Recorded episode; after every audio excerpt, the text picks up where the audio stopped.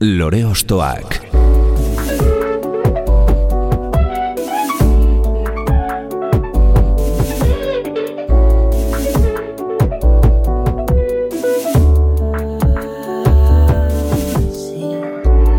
Ekain perezek aurkeztuta, gonbidatu bakoitza lore bat balitz bezala ostokatuko dugu. Jakiteko, zeintzuk diren bere lore ostoak. Haupa, zer moduz, ongi etorri lore ostoak saiora. Gaurkoan, trikiti doinu alaiek protagonismo handia izango dute gurean, baino ez gara horretara mugatuko. Gure gonbidatuak edo bere taldeak rock, pop, punk eta beste edozein estilorekin uztartu baitu hain gure sentitzen dugun instrumentua.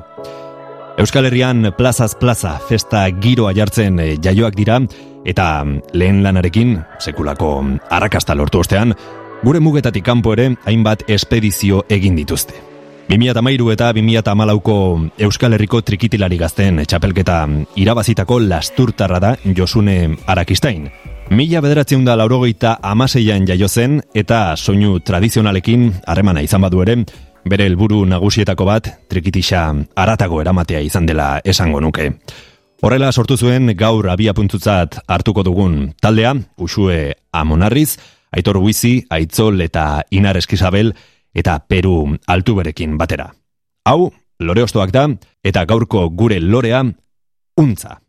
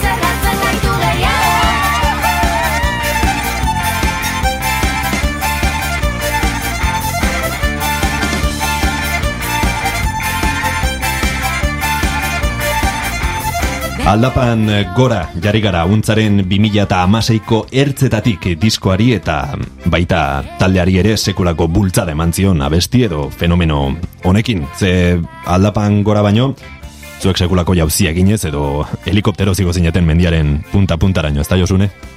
Bai, bueno, egixe esanen pixkaten susto bezala etorri zitzaigun dena, bate, bate espero gabe, baina aldi berian oso oso politia izan zen, ikaskuntza prozesu oso azkarra baino politia izan zen, eta eta bueno, ba, asera polit eta berezi horrekin gatzen ga. Mhm. bueno, ba, ongiet hori gurera, Josune Arakistain, untzataldeko abeslari eta trikitilaria. Mhm, bai.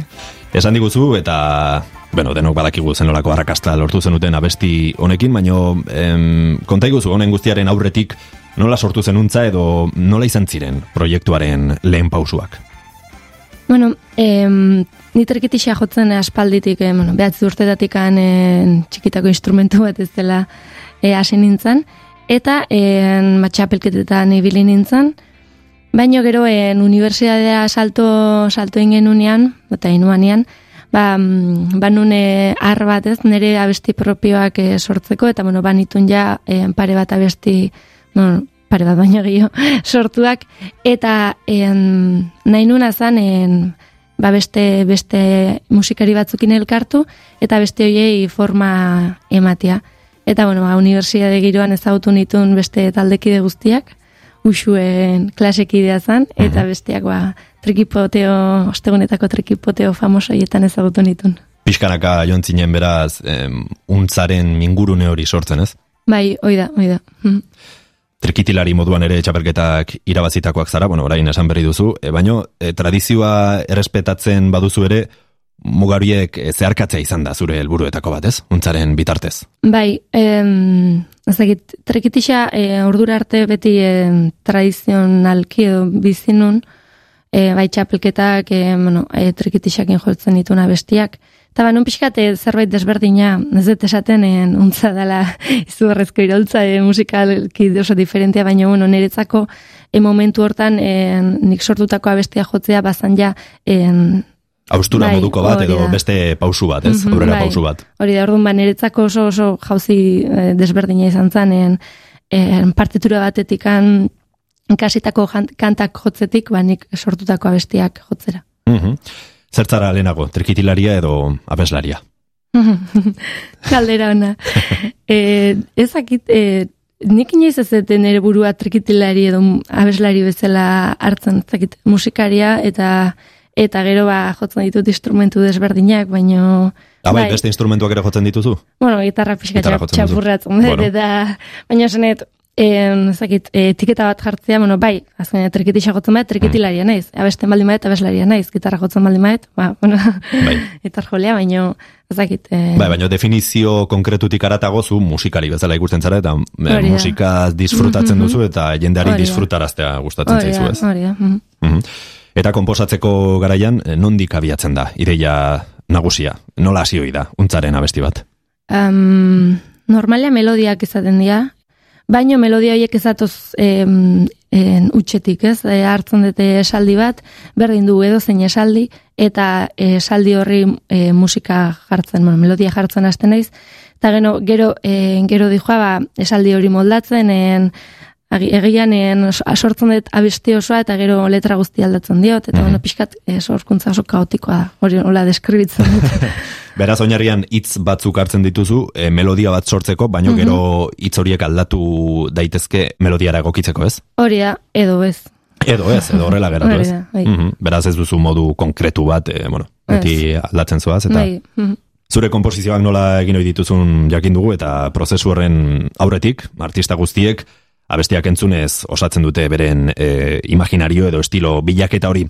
Zuretzako esanguratsuak izan diren euskal kantuen bilaketan jarriko gara, beraz, e, Josune, lehenengoa eskatuko dizut. Bueno, em, herri metaldean Chelsea hotela, Bueno, egia esan ez da behin abestia, en, en bertxio... ez? Hori da. Eta bertxio bat da, baina jututzen zait dala hain bertxio politia, ba, entzun biharrikoa, en, nik enun ezagutzen, e, bueno, entzuna ba, nun baino enun benetan abestia ezagutzen en, e, haueken bertsionatu arte. Orduan ba, bai, en, oso politia eta herri metaldea ezagutzen ende eta espaldi ba, beste dut, dituzten beste abesti e, batzutatik, beraienak. Baina, bueno, nahi izan dut e, bertxio hauek arri, ba, ez dakit berezite zaitelako. Mm Bai, esan dugu, Leonard Cohenen nada bestia, e, Janis Joplinekin izan dako pasiozko gau bat mm deskribatu zuen, e, Chelsea Hotel izeneko abestian, eta herri metaldeak euskarazko bertxorak arri zuen, mm -hmm. e, 2000 emeretzian. E, jendetzari bizkarra emanik ies egin dun, esaten du bertan, John -hmm. Gurutxaga abeslariak. Kasu honetan, koenek joplini esaten zion. Zuk, sentitu duzu harrakastaren aurrean e, bertikorik edo? Ze, klaro, esan bezala, egun batetik bestera, e, nolabait, ez ezagun izatetik, e, pertsonaia publiko izatera pasatzen Bai, e, gisa esan, e, izugarrizko bertigo esan zen e, hasieran gogoratzen dute, bari aldapan gora pasatzen genean, en, gu gora indikan beti esaten dugu nobatu batzuk ginen, mhm. en, ez genuen ezagutzen musika en, kako txarten industria hori bai. ez kontzertuen e, dinamika, ez disko bat e, sortzen dinamika, en, lehenengo diskoakin ezagutu genuen dena, eta pixkat izan zen, en, ez dakit, en, kristal batekin ematea bezala ez, en, ostras, hau da, hau dago benetan, en, hau da, eta goratzen dut, en, berrogei minutu roken joven unean, en, e, estenarioa atea eta esaten genula, ai ama, ai ama, en, oso, pol, oria, oza, oso polita, baina aldi berian esaten nuen, ai ama, en, oza, lehengo aldia da, holtza batera igotzen gera, na, bueno, lehengoa ez, eh, baina, oza, ez genitun ez da hogei kontzertu en, talde bezala, eta lehengo gehi kontzertu hietan, hoien barruan, en, e, berrogei minutu zelako en, estenario bat egotia, ba, guretzat izan zen pixkat, ostras, em, igual pixka serioa da, em, talde bezala, em, pixka planteatzeko gauzak, em, nola nahi genuen, nora nahi genuen jun, em, nola egin nahi genitun gauzak, eta ikaskuntza prozesua askartzeko. Mhm. Bai, eh, dena oso golpetik ikasi behar izan zenuten, ez? Eske pila gauza, em, monitoreak, Claro. en errak, hori ez genuen ezagutzen gu. Bai, gauza teknikoak, ez? Da. Eh, Horratzean daudenak, jendeak ez dituenak ikusten, baina, claro, eszenatokian kontrolatu behar dituzunak, eh, pixkanaka, Bai. ez? Kontzertuak Ez ondo ateratzeko eta da. seguridade hori izateko, Mhm. zuek ere, noski? Ez genitun ezagutzen, osea, imaginatu, hogei urtekin, Claro. en, baina, Bai, bai. bueno, ikasi da. Tiro, entzun dezagun, zarautz eta azpeititik datorkigun errime taldearen Chelsea Hotela bertsioa. Josune Arakistain, untza taldeko abeslariaren lehen lore ostoa da.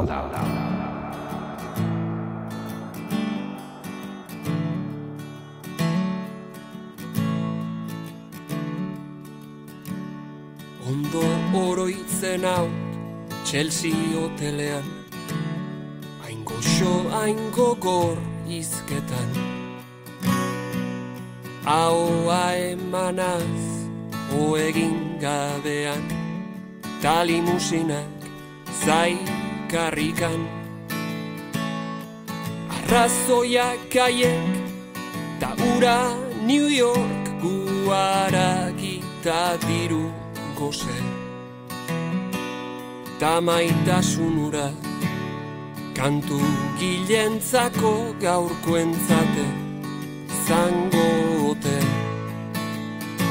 Eta ies egindun Ez da Jendetzari bizkarra emanik. Ies egindun Sekula eninan entzun Beharraut Beharra laut Beharraut Beharra laut Da beste hainbeste itzerdi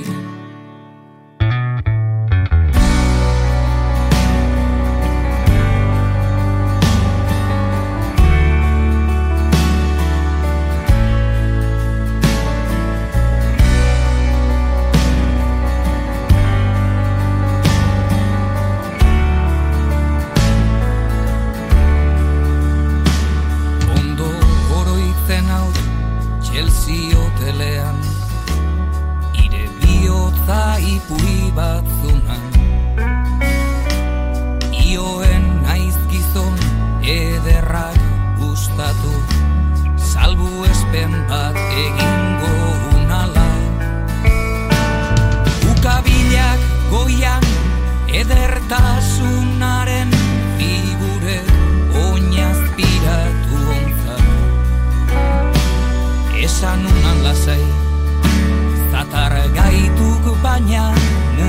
musika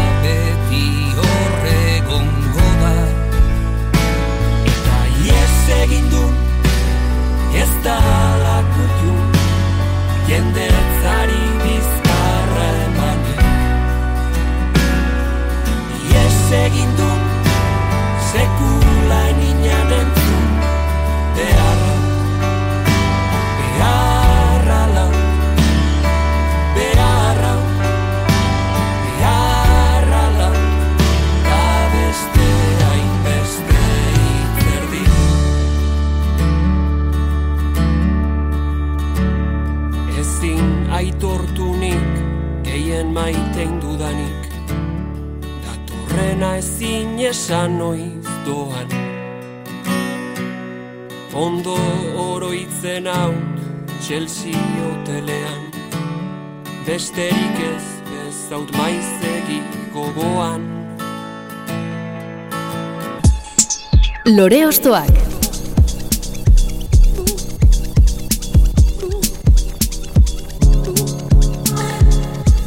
Errime taldearekin izan gara Josune Arakistainen lehenengo autua entzunez, ez ditugu trikitisa doinuak entzun bertan, e, hortik kanpo ere begiak edo hobeto esan da belarriak jartzen baititu, baino hain zuzen urrengo proposamenarekin iruditzen zait, tokatzen dela, zure instrumentu kutxuna ipatzea ezta. Mhm. Hori da, em, goze taldea, e, Inés Rosinaga rikitixa eta trombo mamez dela. Mhm. En, oso asko miresteten musikari eta pertsona. Eta, bueno, iritzu zaiten, bueno, eta bestia zesanik e, oso oso politxa. Zabesti, hautatu duzu? Em, alegrantzeren aldeko konjura. Mhm. Eta, bueno, pixkaten e, nahi izan dut, ba, eiz, nire referente bat izan da, da musikari eta, bueno, e, abesti bat bai ez, en, beti hor barruan gorretaukiko etena, ba, pixkaten zautzera hemen. Mhm. Bai, tradiziotik aratako joateko ariketa horren adibide argi bat da goze, ezta? Hori da. Eh, soinu txikia musika elektronikoaren esparrura eramanta kasu honetan. Hori da, en, ez, hori zerbait desberdina niretzate bentzaten oain dela, bueno, entzun unean abestia, bueno, eta gozen bestea besti guztiak bezala. en, hori, et, tra, tradizioakin guztitza uste dute, bai jarreran, e, bai musikan, en, trekitixa ez dute, best, e, tradizionalki ikusten. Mhm. Naiz eta hor da honez, eta musik e, tresna, naiz eta tradizionala izan. Bai. Baina, bueno, en, ariketa politia ite Ikuspuntu berri bat eh, hartzea da azkenean, ez? Mm Koska edo eh, ikustea instrumentu bat gehiago bezala eta ez eh, tradizio guztia agian ez alde batera utzi, baina bai bai zerotik astea bezala, ez? Bai, gaina, badedakat iruipena en, Euskal Herrian en, badakagula ohitura en, trikitisa ikusten, ba- ikusten baldin badego ia zuzenean. Lotzen da dela. ez. Berdin du ze musika e, egiten dan. Berdin du. Trikitisa baldin badago, en, beti tradizioakin lotzen da. Eta pena pixkaten bat eite egia esan. Baina, bueno, azkenean en, en, olako taldeekin, ba, nik uste pixkanak aldatuko dela entzulen ikuspuntua. Bueno, e, bai, hori da. Mhm. Lehenagotik ere Maixa eta Ixiar, Alaitz eta Maider edo beste referente batzuk egon dira Trikitixa eta bueno, poparen arteko muga horiek batzen, batez ere emakume ahotsak aipatzearen, horiek entzundakoa zara edo urrutik geratzen zaizkizu, generazio horretakoak. Bai, e, entzun ditut, bai. Egia esan, em, e, ez naiz, naiz eta igual askok pentsau, e, ez naiz e, trik, trikitixa entzule Mhm. sutsua.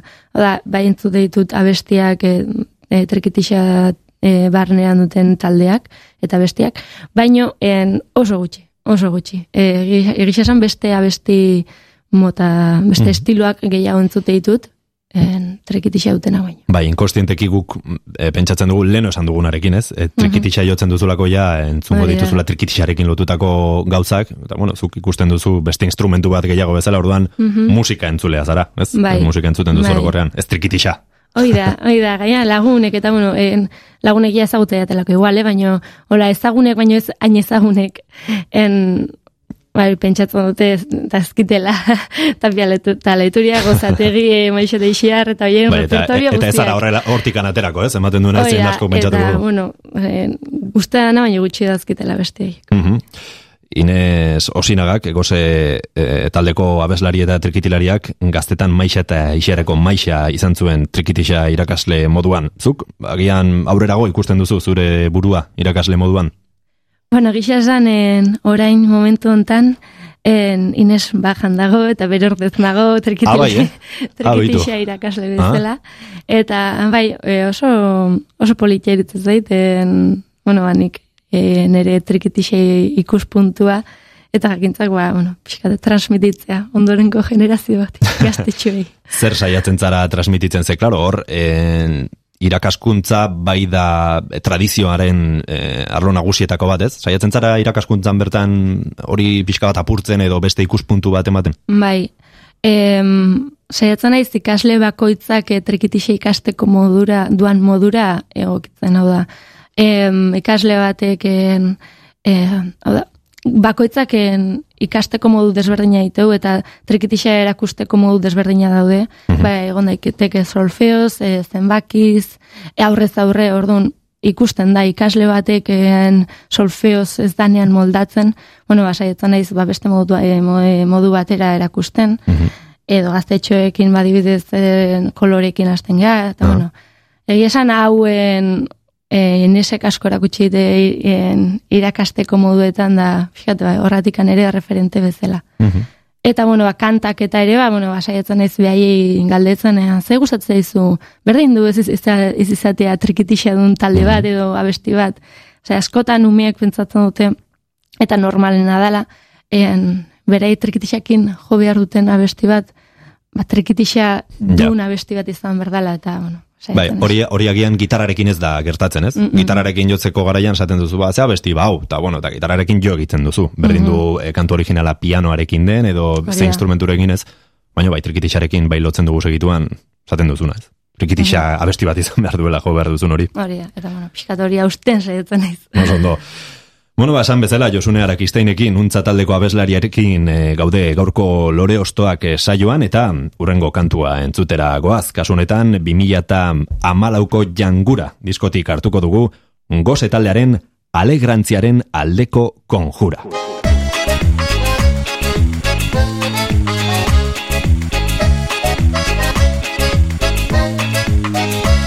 Sekretu handia data Maravillosoa Filosofo ilun batek aurkiturikua Kausinok esan zuen Izkera landua Nalegantzia dela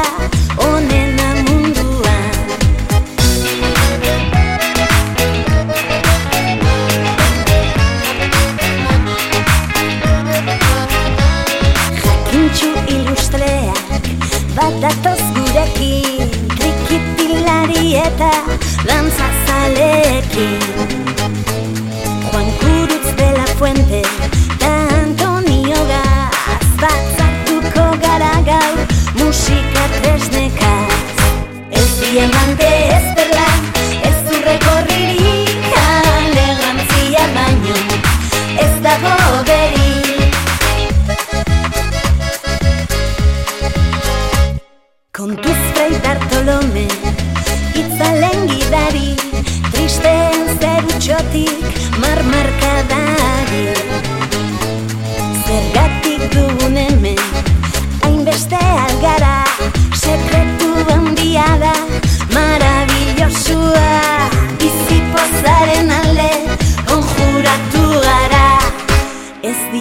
diamante ez perla Ez urregorriri Alegrantzia baino. Ez diamante Ez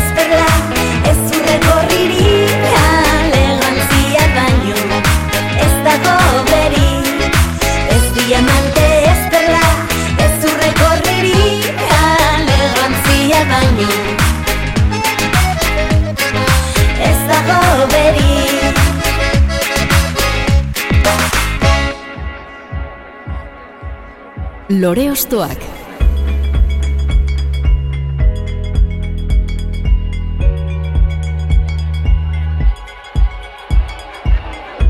Untza taldeko Josune Arakisteinekin jarraitzen dugu gaurko lore ostoaken arrasate inguruan izan gara azken minutuetan gozeren elektro trikiarekin eta itzuliko gara hartu dugun bidera beste behin zure ideietan nolabait zer esana izan duten abestiak entzuteko. Zarekin goaz orain, Josune. Bueno, berri txarraken denak ez du balio bestiakin. Mhm, Eta nora zaramatza abesti honek edo e, zer hoitzapenek hartzen dizkizu. Txikaten nire adolescentzia garai, garaia gogoraz, gogorarazte izkit eta Txikat, ba, horratikan hautatu nun, egia esan e, enaiz en, abestien listak iten oso ona, iritzen zait behintzaten, en, orain ingo banu beste lista bat e, aterako zitzaitela, segura Beste bat atera segura liteke ez? eski, bai, bai, bai, seguru nago. Eta hori, ba, momentu hortan esan unbitu ba, nire adolescentzia oso ondo en, islatzen duna besti bada, en, nire iPodian. en, bueltaka ibilitzen abestia, eta eta baliteke en, abesti hori barruan eukitzea, eta igual nire abestiak pues, hortan e, sortze dituz, dituten abestiak, ba, agian hor ideia batzu dituzte. Bai, esaten duzunarekin, en, bueno, suposatzen dut berritxarakek Euskal Herriko hainbat taldeetan bezala zuenean ere izango zuela eragina, agian konturatu gabe, en ez konstiente izan da, baina Mhm. batez ere alderdi rockeronean, ez? Hori da, bai, seguru nago, seguru nago en, en, entzunten dituten abesti danek dakatela eragina, Mhm. en, igual naiz eta ni ez e, kontura du, ba, baina, bueno, en, gaina hori abesti hau, en, bada, baina, gogoratzaten abesti bat. Mhm. 2002ko libre diskoan entzun izan genuen lehen aldiz, denak ez du balio abestia, oraindik Aitor Goikoetxe eta Aitor Oreja ziren gorkaren kideak, eta kantu honetan gainera Tim McIlrath, Rise Against taldeko abeslariak parte hartu zuen, e, mundu anglosajoieko begi asko berritxaraken gainean e, jarri zirelarik. Zuek ere, atzariko miresmena jaso duzu, eh? E, YouTubeen esaterako iruzkin asko irakur daitezke kanpoko jendearenak. Euskara ikasteko bideoak eta guzti Bai. ikusteraino, ez? Bai. Egisa esanen, ba, bete ite, ni bintzat bete iten nauen kanpotiko lako miresmen aukitzia bai, abesti batek edo hizkuntza batek azkenian, eh? Em, guk, en, guk inglesa edo frantsesa edo ezagutzen ez dugun bezala, bueno, baiek ere euskera ez dute ezagutzen, eta, bueno, oindik eta arrotzago ingo zaie. Baina aldi berean, ba, hori, ba, melodiak, ez, guk entzute ditugun bezala abestiak eta ez dugun ez ulertzen ezer, ba, bueno, baiek ere en, untzakin, segun no, berdin dutela, ze euskera ez dut uste ezagutuko dutenik ez Inglaterran edo Japonen edo, bueno, en, Ego Amerikan, eta, eta, bueno, miresteko eritze zait eta oso polita. Bai. Zerbait eksotikoa bezala ikusiko dute, ez? Gainera tirkitixaren doinekin eta hizkuntza horrekin, eta... Bai, nik uste zerbait desberdin bezala ikuste dutela eta eta melodia oso berizgarriak. Orduan igual horrek e, lotuko ituztela, ez dakit. Ardura handia da, hizkuntza baten ordezkari izatea. bai, bai.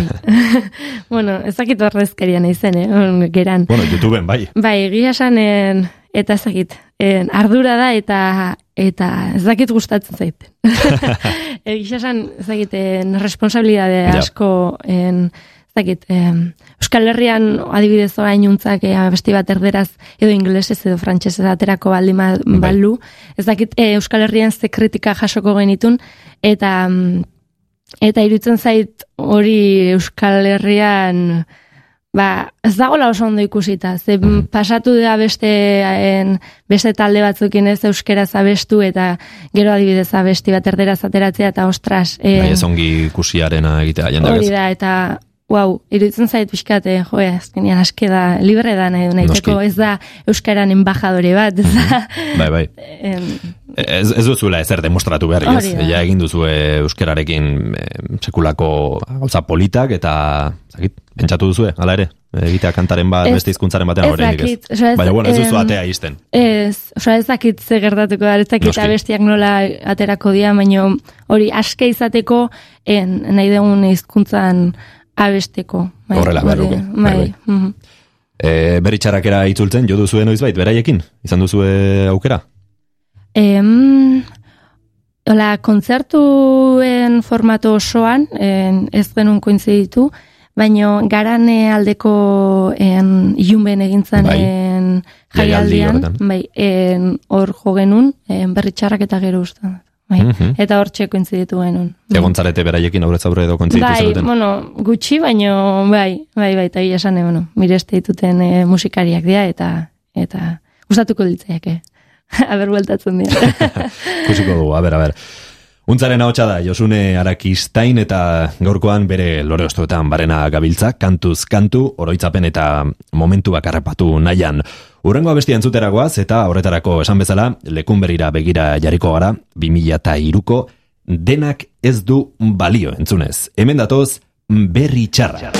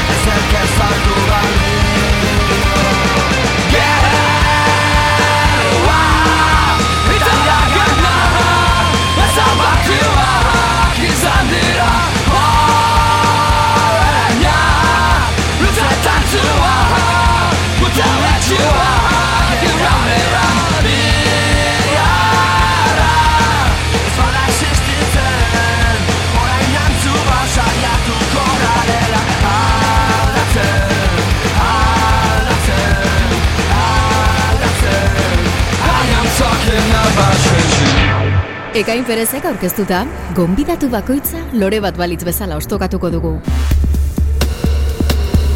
Lore ostoak.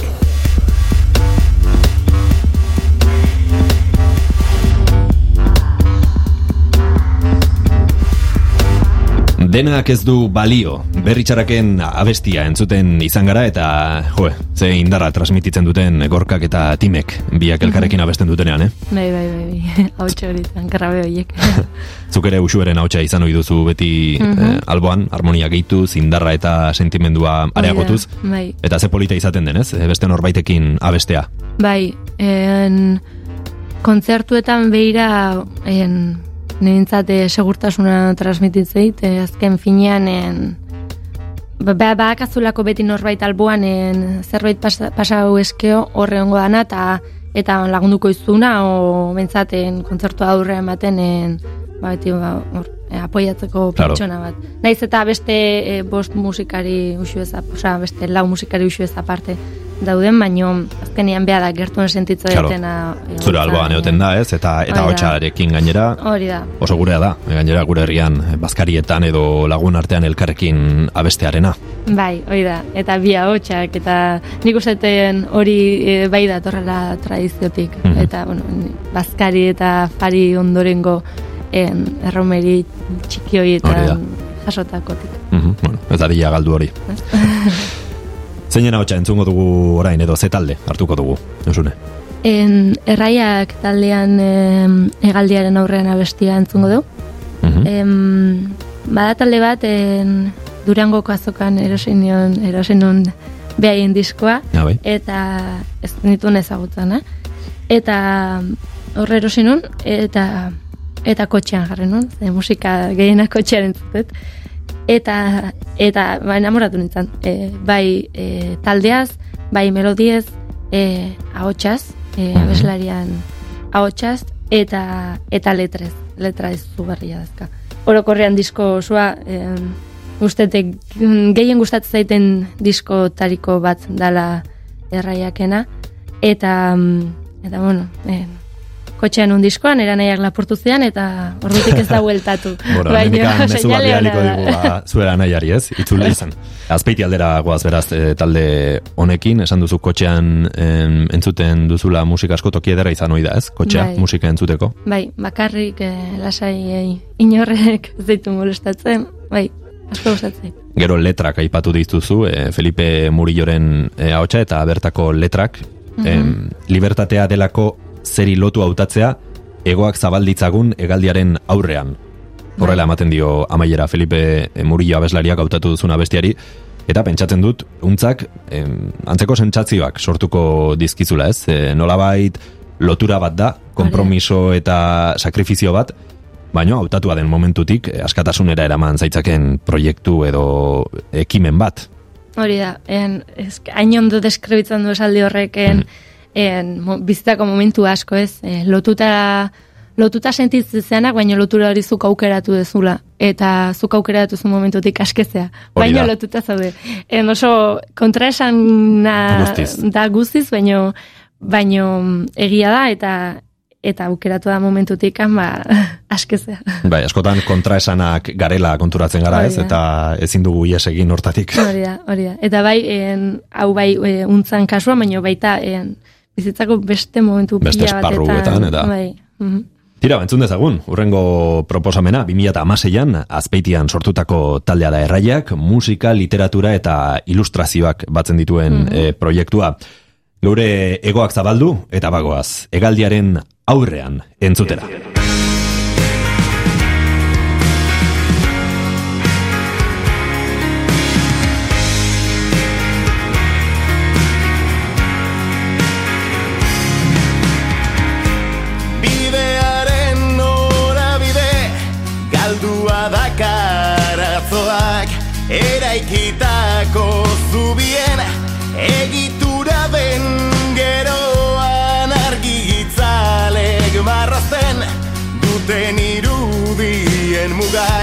Ezabatzeko beldurren Garaipenen garaikurra. Zurruntasunaren auskortasunak dio Gauzak horrela direla, bestela ez direlako. Geure miserien jabetza aitortzen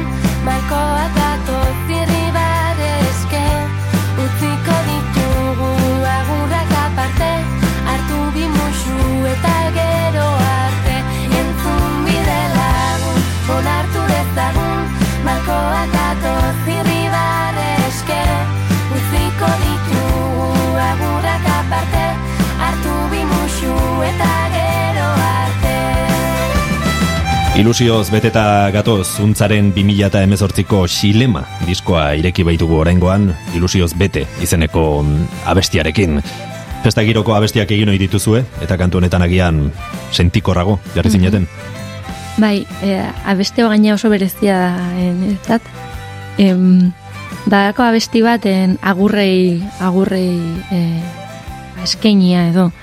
En, zenean en, betiko lagunetatekan, en, bueno, betiko lagunak edo eskolan egite dituzun lagunak, en, hoietatik banatzen zera, e, jute, juten zeranean en, unibertsitatera, Mhm. baina unibertsitateare amaitzen da egunen baten eta eta horko lagunak ere horrelatzen dira. Naiz eta tratua izan eta beti izango dugun tratua, ba en aztu egiten da edo en Etapa bat isten duzu hori da, ez. itxi egiten da eta eta horrek ematen duen pena, baino bueno, en ba, Nostalgia puntu bat eta hortik handa idatzita bestia eta bueno, en, lagun pila batek dakite eta beti hartzen dugu abesti hau ba, oe, ba, garai horiek gogoratuz pixkat, en, Mhm. bai, nostalgia, oso nostalgiko irutzen zait. beraz zure, zure lagunei en, eskainia dago kantua. Mhm, bai, bai, bai. Ze kontzertutako publikoari zuzenduta ere egon ziteken, ez? E, kontzertutan, kontzertuz kontzertu zenbat jenderekin elkartzen zaren, eta hor ere momentu hori hor geratzen da, eta agur esaten diozu jendeari, eta bueno, beste bat arte ez, edo... Hoi da, hoi da, bai, bai, en, sortu nuanean en, bai izan lagunei zuzenduta, baino bai en, esparru zabal batean, bai e, kontzertutako publikoari eta eta danea zabaldu alda en asteu. Mhm. Letra oso ederra da, baita melodia ere, eta adibidez tarte batean diozu, datorrenerako ilusioz bete, jarrai dezagun ametxetan tente. Talde gaztea zarete oraindik, bai partaiden adinagatik eta baita zuen ibilbideagatik. Hala ere, em, zuen ametsak bete direla, esango zenuke? Bai, bai. En, bueno, ezakiten, ametsak baino, en, elburu txikiak, en, elburu txikiz, e, ba, pixkanak aurrea, aurrea juti izan da pixkaten e, gure helburua ez. En, e, puntu batea iritsi, eta bueno, ba, horrera iristian, ba, bueno, hain zengo dugu, hau, venga, guazen horitea. Eta, bueno, pixkanaka hola junge aurrea, helburu txiki horiek eta amets txiki horiek betetzen. Eta ezakit, ba, baina adibidez, ba, beste zerbait izango da gure ametsa, ezakit oso ondo zer da, baino. Beti helburu berriak, ez? Hori da, hori da. Eta, bueno, jende asko esan zuen, eta ia ma, untza lagako ez dute abesti hauen plan, agur bezala edo, eta gu ez ez lasai. Ilusioz beteta jarraitzen duzu beraz. Bai, bai, pixkaten en, ilusio horren bila esan- esango nuke, en, eh, zerbait berria, abesti berriak, en, en, ilusio gabe nek usteten untza ez dela egongo. Ilusio amaitzen da momentuan, e, untza desagertuko da, eta hori hori ziur, ziur nago hortaz. Orduan, bueno, hendikan ilusioa geratzen den bitartean aurrera jarrituko dugu, eta izango da, izan behar dena. Hori da, bai, ilusio horrek e, gainera orain borrokatu beharko du agian mm, arrakastaren pisu edo zama horrekin, ez? Esan nahi dut, e, lehenengo diskoarekin talde berri batzarete dena dena duzu aurretik, orain e, responsabilitate moduko bat duzu, ez? E, beti jarritako langa hoiek ba mantentzea edo agian e, gainetik pasatzearena, ez? Hoi da, en, lehenengo diskoak ekarri zundana oso polita izan zen, baina gero bigarrengoa sortzen hasi ginen eta eta oso gogorra inzitza egun, ze bagenitun, dezun bezala, langak, eh, mugak, en, zer esango dute, nola da. ikusiko da, nola entzungo da, eta hori oso gogorra inzitza egun en, talde bezala, en, nundikan joko dugu, en, berdina jotzen egon gera, Claro. berdinaz eh, abesten egon gera, en, pixaten, ba, pixaten, nahastu egin ginen bidez, ez dakit nola esplikatu. Bai, burua usteak sortzen dira horrez. Bai. Hasieran dena da freskotasuna dena aurrera dena ona eta claro, momentu bat iristen da e, pentsatzen jarri behar duzula, ze lehenengo diskoa agian ezen hain pentsatua izan, ez? Izan zen, bueno, Oso elkartuko gara, hemen Mhm. musika egingo dugu, ez? Baina gero ja bai da zerbait kalkulatua eta claro, hor sortzen dira buruko e, Hori da, iz- zera horiek, ez? Izan zan bizkat lehenengo diskoa en, oso gure erabegira izan zan, e, sortzen genuen dena guretzat zan, Bai. E, gure lagunentzat, hori uste genuen bentzat, oso gure gertuko entzat. Eta bigarren diskoan ja izan zan, lehenengo diskoa erreferentzia bezala hartu, eta em, nola, nola ingo dugu, ja, en, ba honen puntu baten, igual, en, ez genula inbeste bitzen gure gurera eta gure ba, e, gure abestita baizik eta kanpotika nola entzun eta nik uste dut hori akatxo bat izan zela eta bueno, konturatu ginen eta eta jakin genuen egoera kudeatzen, baina, bueno, egia esan, eh, oso gogorra izan zen. Mhm, Bueno, bai da pro, ikasketa prozesu bat, ez? Baita Hori ere. bai, bai, ikasi genuen, en, ba, olako momentutan ez, noa, noa behitu berdan, Mhm. eta, eta nola jarraitu berdan. Eta, bueno, baina irugarrengo diskoa baldin badago, ez dago seguru, orain dikal. Bueno, ba, baldin badago, ba, ba nik uste dut pixkat, eh, ja, en, aurretik pasadana en, badakigu, eta badakigu nola eh, jokatu genuen en, momentu une bakoitzean, orduan, bueno, ba, en, oain hola eh, ingo dugu, edo, ba, irugarren diskoa pixkaten, zakit, zentzuz edo, zakit, gureagoa izango dela Bai, pentsatzen. Barrurago begira edo, Bai, eta estilo aldatzen bada, edo zerbait desberdin egiten badeu, ba, ba, desberdin egingo dugu, baino, Mhm. baino aske. Lore ostoak.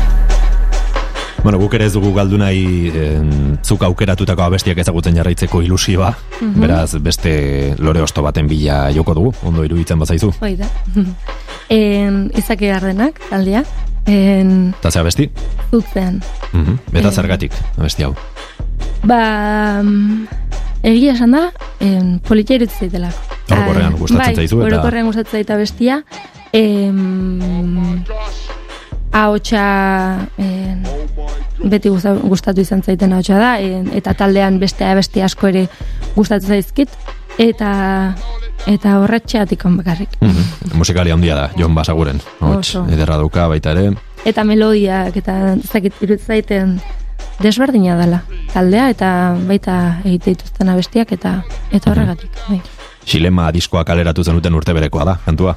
Hau da, e, 2018koa, okerrez banago.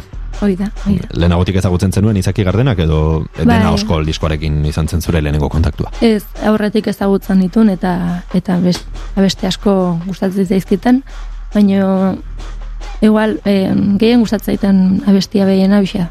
Mhm. Itz joko polita egiten du bertan Jon Basagurenek, e, zutzean zara su. Mhm. Eta horren esana ja, hau da, zu benetan zu zarenean, orduan zara su edo indartxu, ez? Hoi da. Lehen aipatzen genuenarekin, e, ze garrantzitsua den norberaren esentzia mantentzea, Mhm. e, baita musikaren, ere ez? Hoi da, hoi da. Azkenean en, en, untza da en, gu gineana izan ginelako. Hau da, sentitzen genuna en, kantutan plasma genulako. Eta ba, gero etorri zian burua usteak eta bigarren diskokoak ba, en, jakin genitun pixkat bideratzen eta horratikan egontzan bigarrena, baino hoi da, osea, oso importante iruditzen zaiten Mhm. norbeai ateatakoa. Ez aiela gustatzen jendeari, bueno, ba, Bai. zu uste baldin bazaude listo. Hori da. Esan dugun bezala ezarete lehenak, ez da azkenak ere izango, trikitixa eh, pop rock doinuekin lotzen, baino biolinarekin eta batez ere eh, zure ahotsarekin lortu duzue, zuen kantu bat entzutean, esatea, bai ba, hau untza da, ez? E, Mhm. Ez da inerresa hori lortzea ere. Ez, em, eta politieritza zaiten ja kanta bat entzun eta hauntza da. Identifikatzea, ez? Identifikatzea, bai. En, beti nahi izan dut en, taldea sortu nunean, e, klaronakan, nahi nula biolin bat eta gitarra elektroniko bat elkartu. Ez Mhm. dakit zeba. Buruan zenuen ideia bat. Ai, referentegatik, entzuten dituna bestingatik, en, hori bentsat e, oso seguru nun. Aha. Orduan, ba, ba, olaxe sortu duzan. Baina, klaronakan hori hola izango izan bertzala untza. Eman dituzuen kontzertu bilatan, konpartitu duzu estenatuki izaki gardenakekin? Hala ez? Ez, uste Ez. e, oraindik ez dugula behiekin koinziditu. Bueno, ba, kontzertu bat antolatu beharko da. Bai. Bueno, ba, orain lore ostoaken konpartituko dugun momentu bat, e, beraiekin, dena oskol 2000 emezortziko diskoaren zutzean abestia entzuteko. Hau da, Josune Arakistain, untza taldeko abeslariaren urrengo lore ostoa.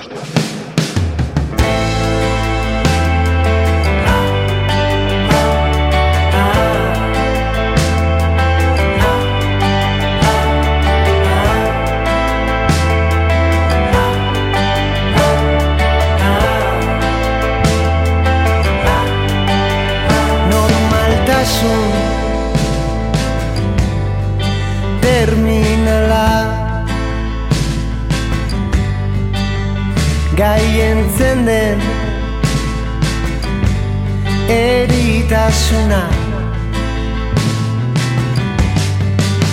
Zinegidazu gu ez garela. Inoiz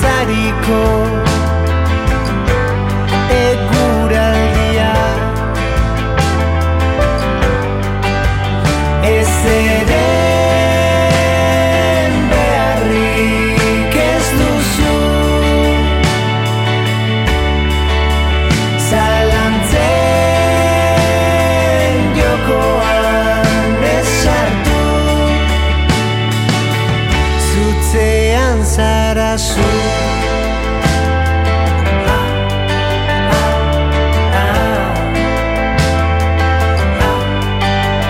Gartxiki bat Eman nizuni Eta zuk zuen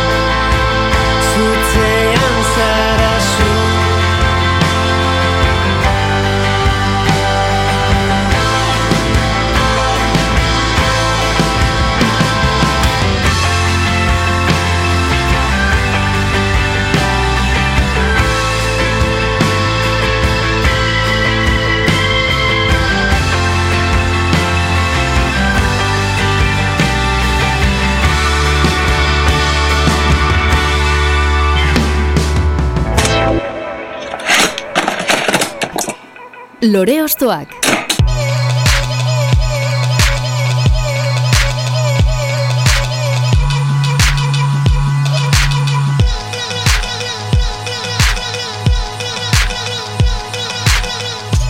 Izaki Gardenak talde bikainaren sentsibilitateak hartu du gure harreta eta ze gustura entzun dugun zutzean abestia.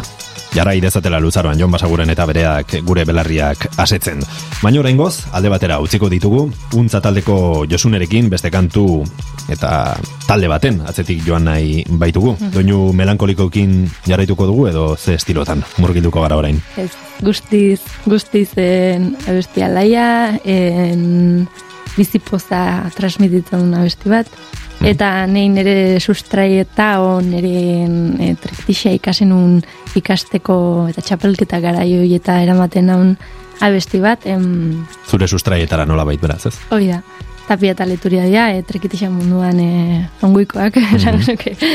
En, eta igual e, trekitiaen estiloan edo en, e, gehien entzun dituten e, musikariak, biaken mireste dituten musikariak, eta eta bestia, ba, bueno, e, marabilo bat.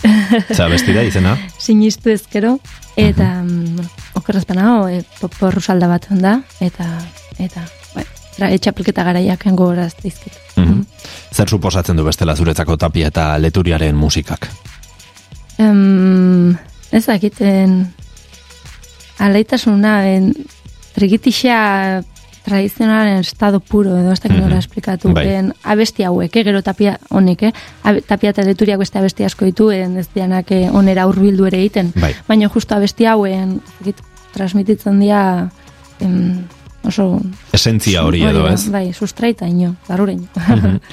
Xabi Aburruzaga ere izan genuen gonbidatu moduan, eta berari galdetu nion, zuzenean, ea zein izan den gure trikitilari handiena. Erantzun zidan, e, Kepa Junkera eta Joseba Tapiaren artean egongo litzatekela leia hori. Ados zaude? Edo nola ikusten duzuzuk?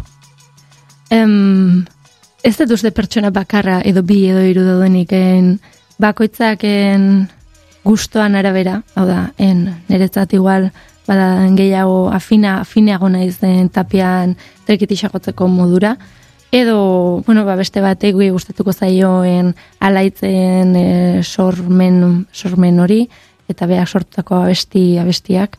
Edo, bueno, ba, ez egiten ez, ez nahi batea, esan, porque irutzen zaiten Bai, bai. estilo oso desberdina diala Noski. trekitixakotzeko. Eta bakoitzak bere birtuteak ditula, ez? Hoi da, baino, bai, en, ez dakit, tapia niretzako, tapia izan daiteke. Mhm. Bueno, behintzat, esan duzu, ez? bai, Oso argi, baino guztizara hori da. Jorgasmoan, mila bederatzen da laurogeita amarrean kaleratutako disko gogoan garri, horretatik, beste behin eh, gurean hartuko dugu bertako abesti bat, oraingoan, beste trikitilari batek eskatuta, untzako josune arakistainek hain zuzen. Entzun dezagun, sinistu ezkero. Pinpinin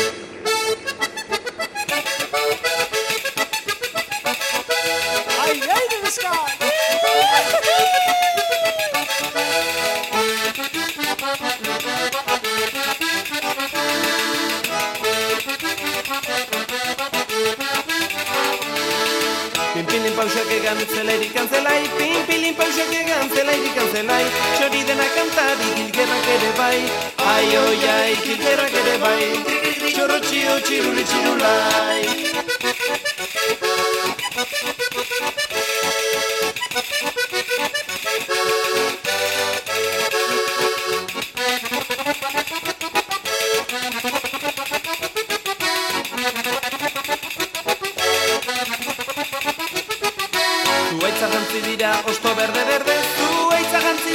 Osto berde berde Erleak burrun burrun eguzkia parrez Ai oi ai eguzkia parrez Zerua beteko da gauean izarrez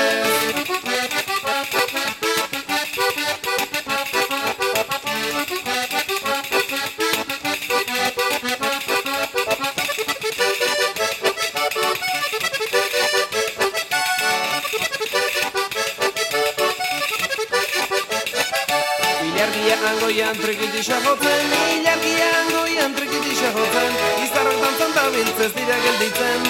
Ai oi ai ez dira gelditzen. Kanpantorreko ontza ari da esnatzen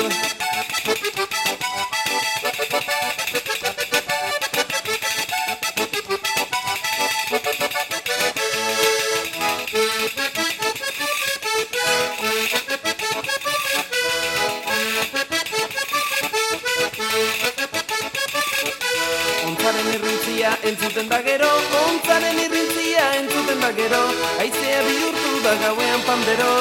Ai oi ai gauean pandero. Histori politia da sinistu ezkero. Lore Ostoak.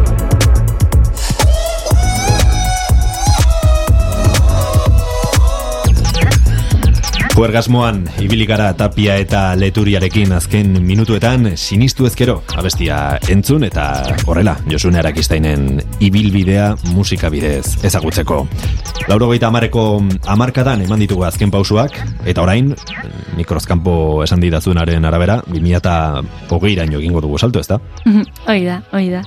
E, talde, talde bat, musika interesgarria ituna, euskeraz, eta, eta bueno, ba, nire listan e, sartzeko gogoa eukin, eta hor da. Oso, no? Ze, ze talde da eta ze abesti?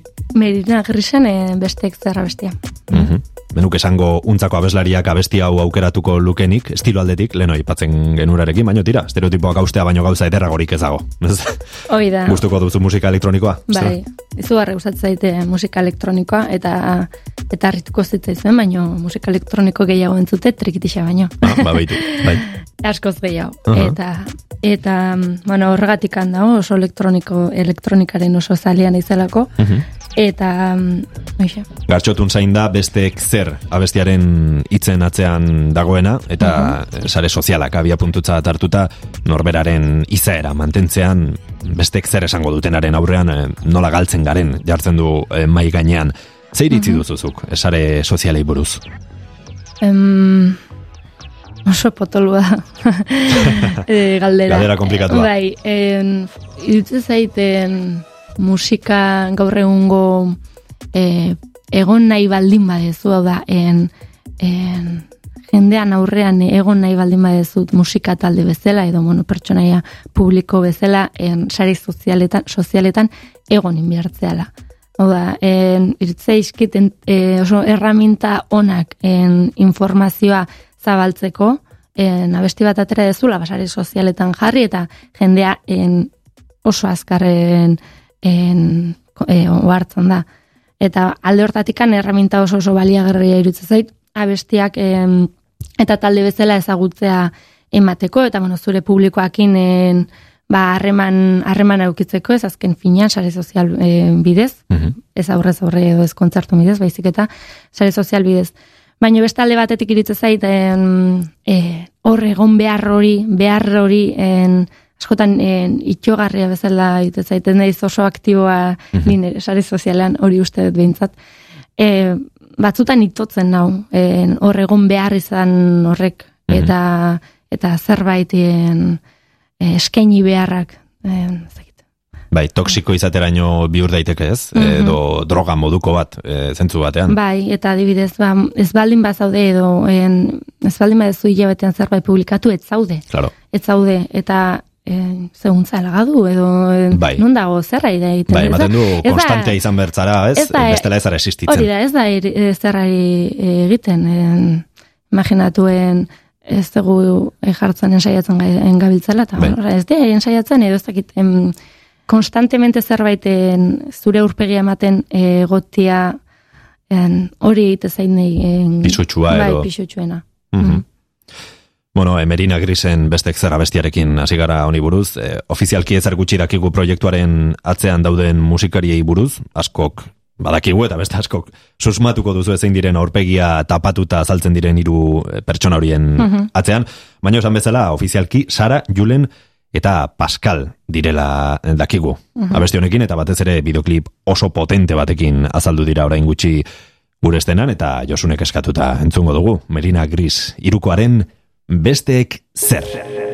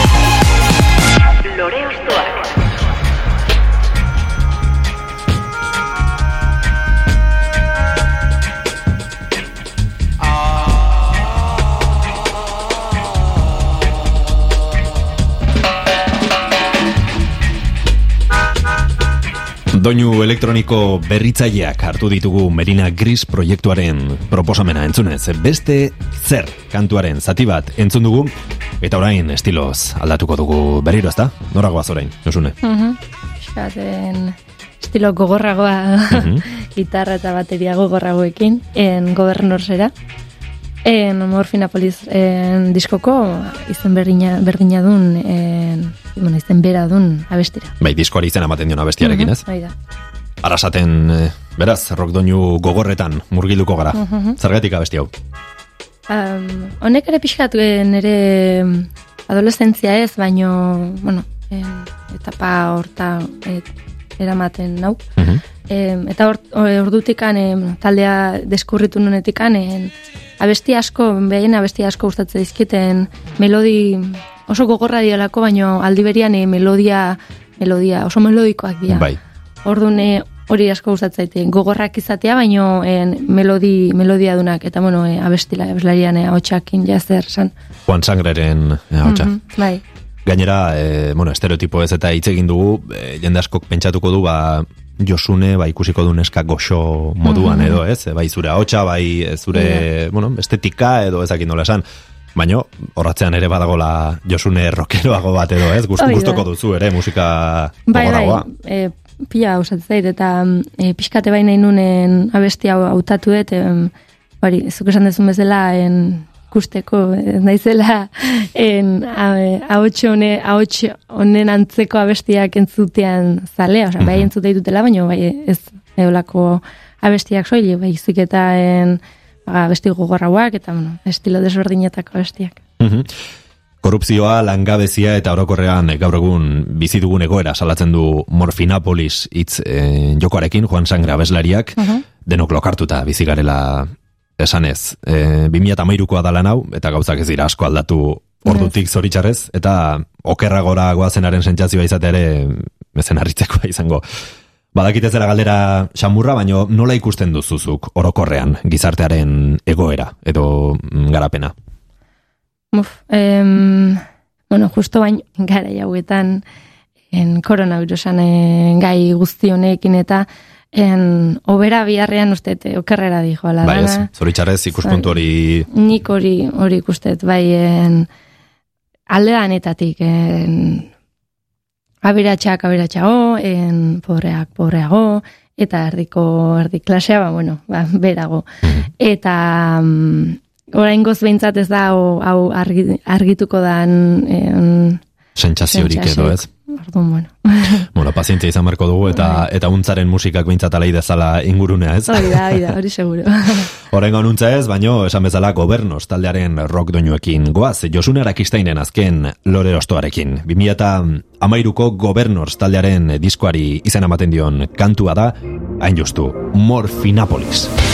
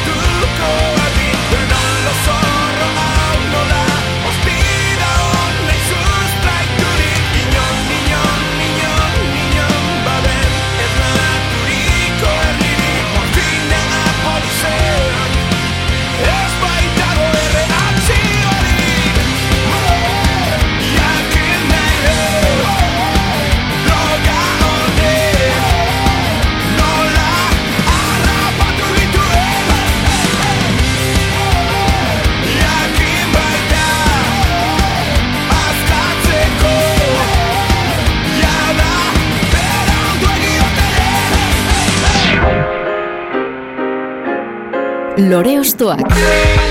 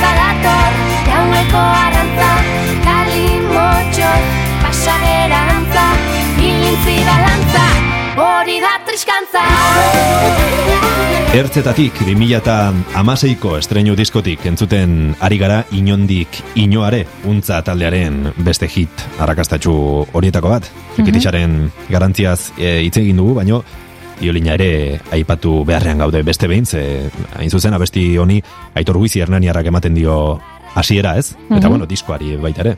Bai, hasiera potentea en e, guizi etzen digo guizine biolinetik eta bueno, gero ja en, talde osoa dator eta egia esan abestia oso oso berezia da niretzat ze e, sortu nun lehengo abestia da. Ah, bai, eh?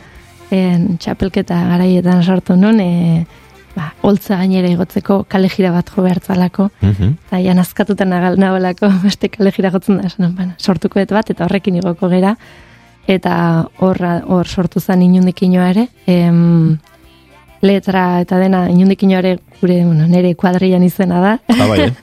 eta eta pixkatua jai giro hori, aitrikitisa itziarko en feste, festetako girua, Mhm. pixkaten hori islatzen da besti bada. Beraz, diskoa baino zarragoa da bestia. Gero Bai. diskoan sartu zenuen, baina bueno, Hoi da, hoi urte mordoa du, beraz. Bai, bai, urte desente dituta eta en, talde bezala elkartu ginean ere en, Bilboko mm, en, entsaiotan en, lehengoa moldatu genuen edo taldera, e, lehengoa en, ekarri genuen e, abestia izan zen inudek inoare eta oso berezia da, en, bueno, esan ditako en, hori guztiagatik. Zenba plazatan joko zenuten ez, abesti hau. Buf.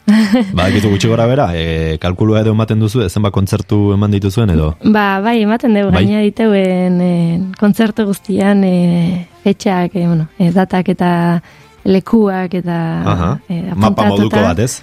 Bai, apuntatuta eta eta bain nizun esango zenbat eman ditu, baina bueno, egunetik angoera Mhm. pentsatu bait, seguru, no? Bai, Badirela, bai, bai, Mhm. talde gazte bat entzat, bai, e, batik bat. bai badia bastante, bai. Oraindik estenatokiaren gainean nerbioak izaten dituzu? Edo gainditu duzu hori, nagoeneko? Ez, ez, ez dut gain ditu. Ez duzu gainditu. Ez, eh, Agian oso- beharrezkoa da baita ere, ez? Puntu bat behintzat. Bai, nik uste baietzen puntu bat hartzen. Egia esan oso pertsona e, nerviosa naiz, e, eta mm, egia esan eh, asko, asko mm, afektatzen diaten nerviek. Eta mm, urte hauetan, e, untzakin gabiltzan e, urte hauetan, e, pixkanaka, pixkanaka, e, holtza zoltza, ikasi dut e, e, ba, eramaten ez, nervioiek. Baina nik nizuk esango e, guztiz superatu ditutela nur nerviak eta eta superatuko ditutenik, porque nik Ja. uste ez ez. Da, beharrezkoa da azkenean e, nervioi galtzen dituten momentuan, e, dakit, zerbait desberdina Ja, tentsio punto hori ez? Bai, hain lasai holtza gaina, Ja. dakit, e, Claro. nervio... Posible izango da? O, e, ala ez, ez? Eske, hori Ez dakit, kuriosoa. ez dakit. en- Agian batzuk lortuko dute, Hori da. eta, baina, bueno, esaten duguna, ez, agian hori lortzen duzunean ere, mm, ez- zara ondo Mhm. sentitzen, ze, zerbait planoa, sentimentu plano bat edo izan dezakezu, ez? Hoi da. Pertsonan arabera nik nuke baita. En, ni oso pertsona nerviosa naiz eta eta ez dut uste inoiz. Hobeto eramango ditutela, seguru. Baino superatu edo inoiz e, nerviori gabe atera holtza gainera ez dut uste. Mhm. Bueno, beste un kontzertu eta gero galdetuko dizut berriro ea nola doan. Berriro elkartuko gera hemen. Bukatu aurretik e, galdetu behar dizut, Josune. Ez dakienarentzat, e, argitu ezazu zer esan nahi duen untzak, edo nondik datorren izena. Bueno, en, usue eta biok en, biologia ikasi genuen en, Ah, bai? unibertsitatean eta hori lotuta egon daiteke e, untzak esan nahi dunan, nan- dunari, baino ez egia esan ez, ze en, jo behar genuen lasturren en, em, bon, ni jaio nintzen e, auzoan, eta Bai. naizen auzoko auzoan jo behar genuen kontzertu bat, bueno, kontzertu ala EITB-erako, la, e, pare bat abesti. Eta orduan, handikan oso en, ez ginen ezagunak, ez ezer. Eta mm, hort, hortarako eh, esate zeten. E, osune, bale, zure taldeak eh, joko, baino e, izen bat behar dut, izen bat behar dut. Eta gu, bai, ma, baina ez dago izenek, eh? eta... Ze presio. Ze presio, jo, eta atera zidan pila bat izen. E, eta mm, azkenean gure taldeko gitarrist, gista- gitarristak, Aitzoleski Isabelek, olako goiz baten en, gozaltzen nahi zala erdilo hor kolakabakin baserri baten bizi da eta unen eta hor zegoela sukaldean e, kolako baso batekin da behiratu zula e, goizeko ordu txiki ordu hietan e, leiotik eta ikusi zula aurreko baserrian untza landarea e, aurreko baserrian e, gora Mhm. untza landare ustela, eh? marroi marroia, Vale. baina bueno. Eta esan zula, ze, zer, ze, ze, untza? Eta gu, bueno, ez dakau berik. eta untza. Eta, eta horte ator, eta bueno, ba, asko pentsatzen du, e, lehen esan dizutena, Iuxu eta biok e, biologia ikasi deunez, ba, en, landare baten izena dan ez untza, ba, asko pentsatu de, jo, ez, zuek asmatu zenuten e, Ja. untza taldean iz- izena. Bai, bai, bai, eta ez da horrela. Ez, ez, ez, gitarristak. Bueno, kasu honetan gainera, lore ostoak saioan, ba, inoiz baino beto esango dugu eh, untzaren eh, lorea ostokatu dugula, ez? Hori da, Josune hori da, Bueno, bai, osune oso gustura egon gara zurekin, kantuak entzuten, zu ostokatzen, alegia zu gehiago ezagutzen, eta iritsi gara bukaerara. Eskerrak ematea besterik ezaigu geratzen, gustura egon zara, Bai, oso gustu, oso polit izan da. Eskerrak zuei. ba, pozten naiz. Ea, Bai. orain arte bezala, sorte asko izaten duzuen, zuek lan egiten jarraitu, disfrutatzen Hoi da. eh, musikaz, eta batez ere jendeari disfrutarazten. Hoi da, hoi da, eskerrik asko. Zuri, ondo izan, Josune. Bai, jo. Eta zuri dagokizune, zentzule, mila esker gurekin euskal musikaren txoko honetan, beste behin egotearen espero dut, zuek ere disfrutatu izana. Ondo izan, eta aurren arte. Sentimendu